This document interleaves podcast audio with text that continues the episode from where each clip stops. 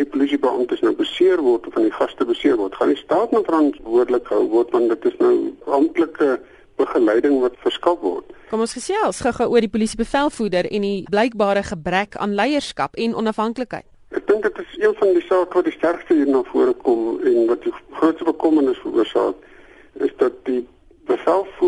van die polisie nie meer onafhanklik blyk te wees in die sin van dat hulle sê maar hierdie is die voorskrifte, hierdie is die staande orders, dit is die wette wat ons moet aan voldoen en dan daarvolgens hulle besluite neem nie. Dit lyk of daar 'n ander uh, motief dan sou wees vir besluitneming.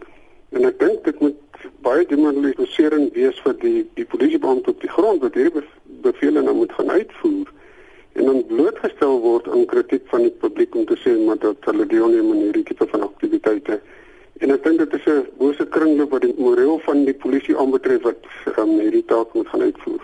As dit dan die geval is dat hierdie uh, optrede sonder die nodige magtiging plaasgevind het, vra mens jouself die vraag af, gaan die minister dan tussen beide tree en dit stop sit, um, dat daar nou nie weer verder of verder misbruik van die polisie se dienste is nie?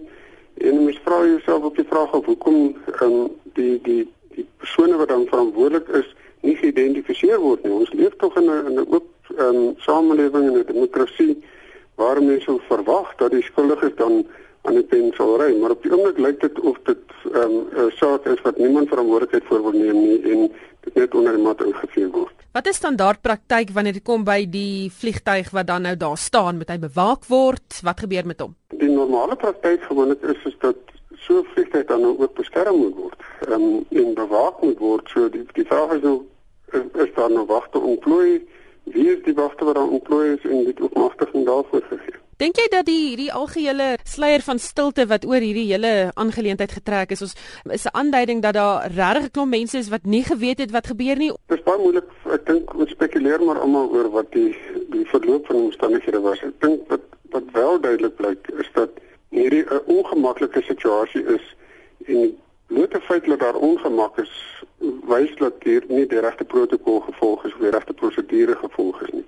En dit is kommerwekkend dat iemand dit wel kon regkry om soveel verskillende afdelings van die staat, die weermag, die lugmag, die polisie diens die invloed het om hulle almal uitlik te kan in 'n situasie plaas waar hulle mis misbruik word.